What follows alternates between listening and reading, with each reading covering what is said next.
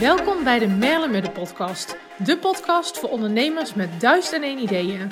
Hier krijg je inspiratie, tools en life hacks zodat je alles uit het leven kan halen. Ik leer je slimmer ondernemen, de snelle routes, de loopholes en de shortcuts. Want stel je voor dat alles kan. Hoe zou dat dan zijn?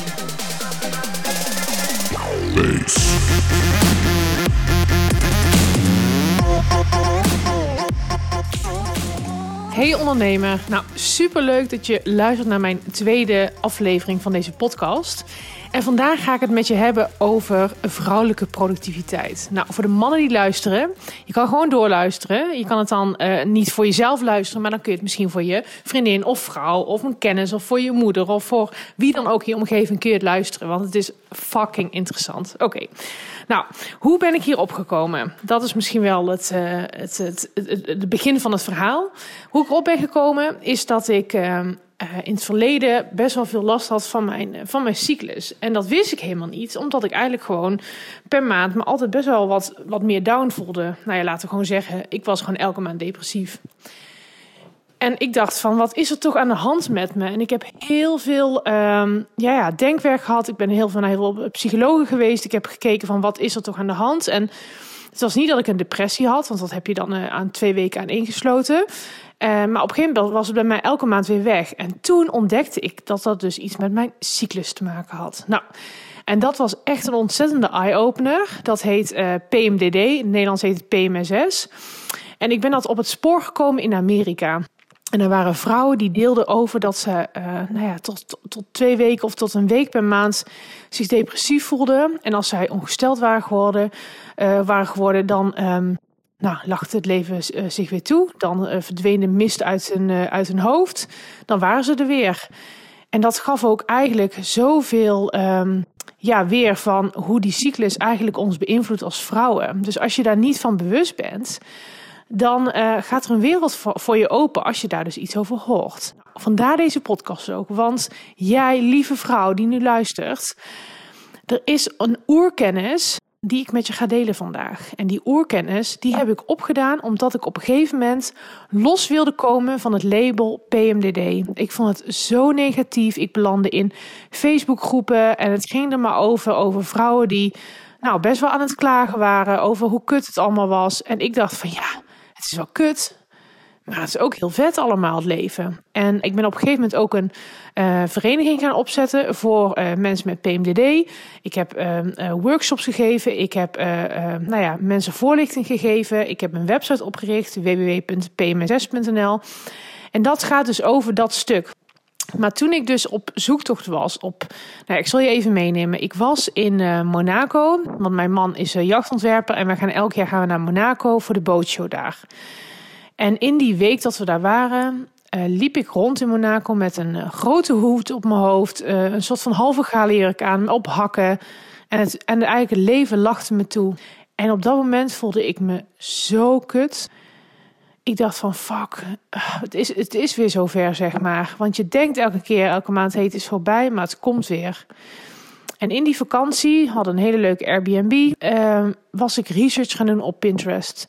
Ik weet ook niet waarom. Ik was met de cycle was ik aan het googelen. En toen kwam ik op een boek. En dat boek, uh, dat was van een schrijfster uit, uh, uit Engeland. En toen dacht ik, fuck, dit is het. Dus wat ik dus ervaar elke maand als negatief, dat heeft dus ook allemaal positieve kanten. Dus wat dat betekende voor mij was dat ik heel anders naar mijn cyclus begon te kijken. En misschien heb jij helemaal niet zoveel last van je cyclus. En dan is het nog steeds interessant voor jou. Want ik heb een super heftig verhaal. Daar hoef je helemaal niet in te herkennen. Want het kan ook gewoon zijn dat jij een spiraal hebt of je slikt de pil. En dat je het eigenlijk niet of nauwelijks merkt. Maar dan nog, lieve vrouw, heb jij ook een cyclus. Ook al slik je dingen, ook al heb je een spiraaltje, er zit nog steeds een cyclus in jou. En die wordt gestopt door bepaalde hormonen. Maar die cyclus zit er nog. Zelfs toen ik zwanger was, had ik een cyclus. Zelfs toen eh, als vrouwen hun baarmoeder hebben verwijderd, hebben ze nog een cyclus. Dus we hebben allemaal een cyclus in ons. En die cyclus, toen ik zeg maar op die oerkennis kwam. En die oerkennis, dat is gewoon een kwestie van tijd voordat, voordat, voordat iedereen dat dadelijk gaat weten. Maar die oerkennis gaat er eigenlijk over dat je in je cyclus dat je vier fases hebt. Je hebt een fase als je net ongesteld bent geworden. Dat noemen, ze, noemen we eigenlijk dag 1 van je cyclus. Ongeveer na zeven dagen kom je in, in je tweede fase.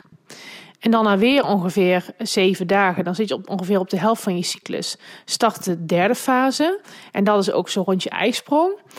En dan begint voor mij de moeilijkste fase. En dat betekent dus dat we eigenlijk naar de laatste fase gaan. En dat is de fase, eigenlijk ongeveer zeven dagen, uh, waarin je dan uh, ja, toewerkt naar je ongesteldheid. Nou, dat merken denk ik de meeste vrouwen van ons wel dat we dan, uh, nou ja, sommige vrouwen hebben last van PMSS, sommigen hebben last van PMS, dus dat is meer lichamelijk. PMSS is meer uh, psychisch. Sommige vrouwen hebben er helemaal geen last van. Sommige vrouwen hebben een beetje rugpijn. Sommige vrouwen hebben hele erge rugpijn. Sommige hebben hele erge buikpijn.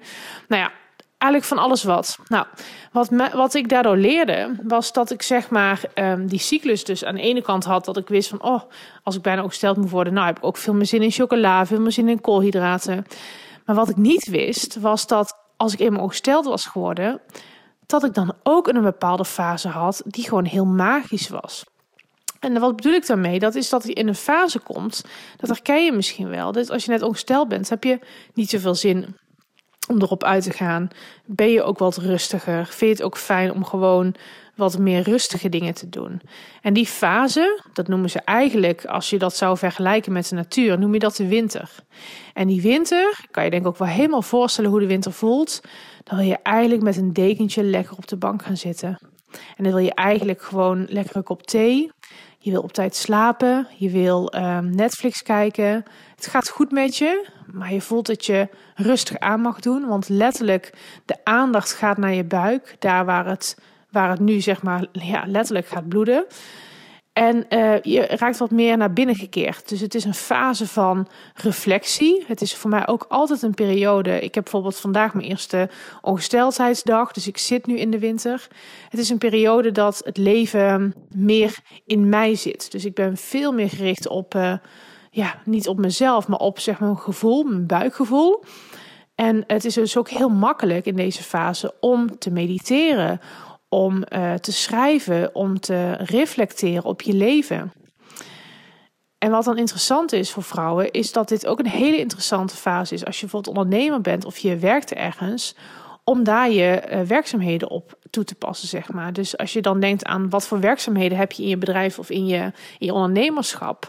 Dus nu eigenlijk de tijd om te bezinnen, om te gaan kijken van wat werkt en wat niet werkt. Want je bent nu super intuïtief. Je, je intuïtie is heel hoog. Dus als je bijvoorbeeld um, nou ja, met een bepaald project bezig bent of je bent met een bepaalde taak bezig en het lukt niet helemaal, um, dan is het dus tijd voor iets anders. Het is echt tijd voor ja, wat meer denkwerk, wat meer rust, uh, wat meer balans. Uh, het leven gaat wat, wat, wat kleiner, dus je bent ook veel meer, bent ook liever thuis, liever uh, lekker in, in, in, in die woonkamer, lekker in die slaapkamer.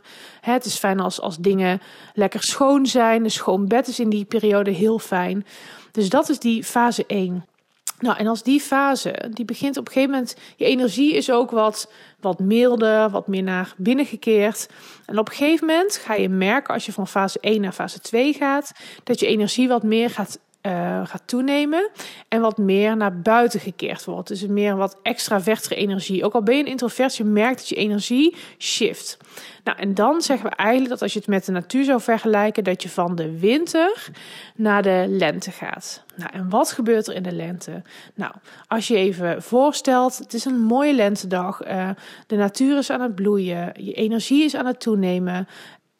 Het is, het is een, een, een fijne energie. Je gaat lekker erop uit. Je hoeft je per se niet per se je jas nog aan naar buiten. Dus je, je bent eigenlijk in een soort van flow. Dus dingen uh, uitwerken, dingen.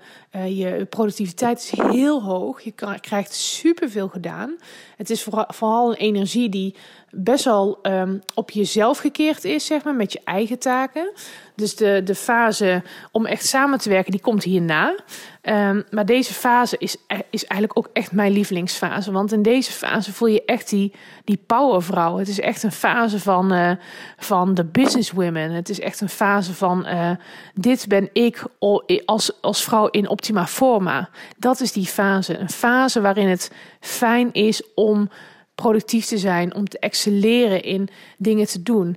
En wat je dus in deze fase kan doen, zijn echt letterlijk plannen, is um, letterlijk dingen uitwerken. Het is een hele mooie fase om uh, werk gedaan te krijgen. En het is ook een verslavende fase, want je denkt, dit ben ik. Dus je denkt ook van dat eigenlijk die andere weken, dat er dan iets aan de hand is. Dat had ik altijd. Ik dacht in deze week, dacht ik van, oh, nu gaat alles me supergoed af. En dan in die andere fase dacht ik, oh, ik zal alweer te veel hebben gedaan. Of je gaat al altijd iets buiten jezelf zoeken. Terwijl eigenlijk je misschien wel inderdaad misschien te veel hebt gedaan in deze fase. Maar dit is een heerlijke fase. Dus, dus, dus dat is ook inderdaad wat we allemaal als vrouw herkennen. Dat je soms gewoon lekker in de flow zit. Nou, dat is deze, deze fase voor jezelf. Nou, de volgende fase, die wordt eigenlijk begonnen met je ijsprong. En dus je zit tussen fase 2 en 3. En in fase 3 ga je dus eigenlijk richting um, de zomer. Nou, en wat doen we in de zomer? Als we ons even voorstellen, een dag op het strand. De zon schijnt, kinderen spelen op het strand, wij gaan lekker barbecuen met vrienden. Het is een fase om samen te zijn. En als je dat vertaalt naar je bedrijf of naar je, um, naar je leven, dan is het dus een fase om uh, teamwork te doen. Dus om samen dingen te doen. Het is een fase van de moeder. Het is een fase van kom maar hier, ik zorg voor je. Het is een fase waarin je lekker gaat bakken en kokkerellen. Waarin het heerlijk is om in de keuken te staan. Het is een hele verzorgende fase. Een verzorgende fase voor anderen, maar ook voor jezelf. Dus ik adviseer ook altijd uh, klanten van ga in deze fase lekker een bananenbrood bakken. Ga in deze fase lekker wat, wat food preppen doen, zeg maar. Want dit is echt, uh, je hebt er energie voor, je vindt het leuk. Nou, terwijl altijd, hè, de fase misschien net voor de menstruatie moet je er niet aan denken. Dus dit is een fase voor dat. Het is ook een fase die natuurlijk begint met de ijsprong. En die ijsprong dat is natuurlijk dat je lijf eigenlijk zegt van... hé, hey, hier ben ik, ik ben nu op mijn vruchtbaar... je moet het nu uh, komen doen, zeg maar, als man. Dus die fase zegt eigenlijk ook dat je heel erg... Um, uh, je haar zit goed, je bent aantrekkelijk. Uh, je gezicht is zelfs iets meer symmetrisch. Dus dit is een fase ook om op het podium te staan. Om letterlijk tegen als je spreekt of als je dingen op uh, Instagram doet... of je doet lives, is dit de fase om echt te verbinden met, met mensen. En ondertussen horen jullie wat, uh, wat berichtjes van mij binnenkomen op de achtergrond. Um, ja, en dat is natuurlijk ook gewoon het leven. En dan gaan we naar die fijne fase van teamwork. Gaan we naar de volgende fase. En dat is tevens de laatste fase. Dat is de fase van de winter.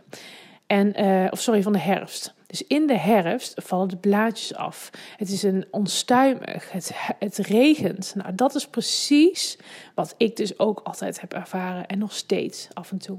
Het is een fase waarin je emoties soms alle kanten op gaan. Het is ook een, een fase waarin um, je, je, je mind er vandoor gaat met gedachten. Dus ze zeggen wel eens dat het een, een soort van puppy is, die dan, als je die iets geeft, dan gaat hij gewoon aan de slag. Die gaat gewoon informatie verzamelen, maar ook de verkeerde kant op fantaseren, zeg maar. Dus het is een, uh, in die zin een, beetje een rommelige fase. En het is een fase dat je uh, fysiek, uh, nou ja, wat vasthoudt. je hebt meer zin in koolhydraten, in suikers. Het is gewoon een beetje soms een onveilig gevoel, heb ik ook wel eens ervaren. Net als dat je buiten loopt op een herfstdag en het begint keihard te regenen en te stormen en te onweren. Nou, soms kan je dat gevoel ook in jezelf hebben. Het is een, soms een, uh, een fase waarin je wilt terugtrekken. Het is een fase waarin je soms boos kan zijn. Het is hè, ook de boze vrouw zit in die fase. Die herkennen we misschien wel, de frustreerde vrouw. Het is een fase waarin je misschien onredelijk kan zijn tegenover je man of kinderen. Hè, dat je sneller uit je slof schiet. Nou, en die fase is eigenlijk ook een hele creatieve fase. Want je kunt je voorstellen, als je zo onstuimig bent zoals het weer... en je gaat dan met iets creatiefs aan de slag... dat je op hele andere dingen komt dan dat je in een andere fase zou zitten. Dus deze fase, hoe moeilijk die soms ook is... kan je ook echt benutten voor het schrijven van posts of van blogs... of juist te schilderen of te tekenen. Dit is een hele goede fase daarvoor om gewoon iets met je handen te doen. En dan op een gegeven moment loopt het op en op een gegeven moment word je ongesteld en dan kom je dus weer in de winter. En deze cyclus, ik, ik, ik schets hem aan jullie heel snel nu op in deze podcast. Maar die is eigenlijk echt bijster interessant. Het is bijna revolutionair dat, dat dit nog niet wordt toegepast in bedrijven om vrouwelijke productiviteit te gaan verhogen. Dus ook aan mij is dit een, zo'n duidelijke missie om dit meer tot de vrouwen te brengen. Dus mocht jij ook iemand kennen in jouw omgeving die, die ook misschien last heeft van de cyclus, of misschien wel helemaal niet, maar bezig is met persoonlijke ontwikkeling, stuur dit door. Dit gaat ze echt helpen. Ik wil echt dat ik dit eerder had gehoord. En mensen, het was er gewoon nog niet. Hè? Ik heb echt zitten zoeken als een malle.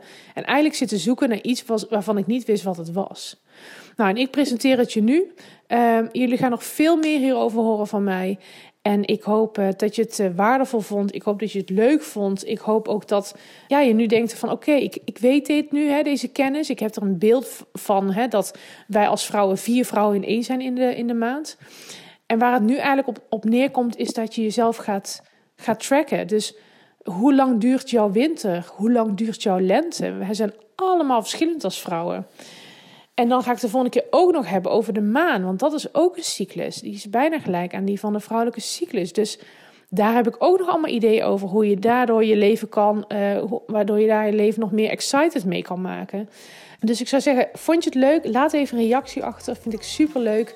Heb je nog vragen? Uh, wil je meer weten? Stuur me even een berichtje op Instagram. Dan uh, neem ik je even mee in wat er de, de komende tijd komen gaat. En ik wens je voor nu nog een hele fijne tijd. En tot de volgende.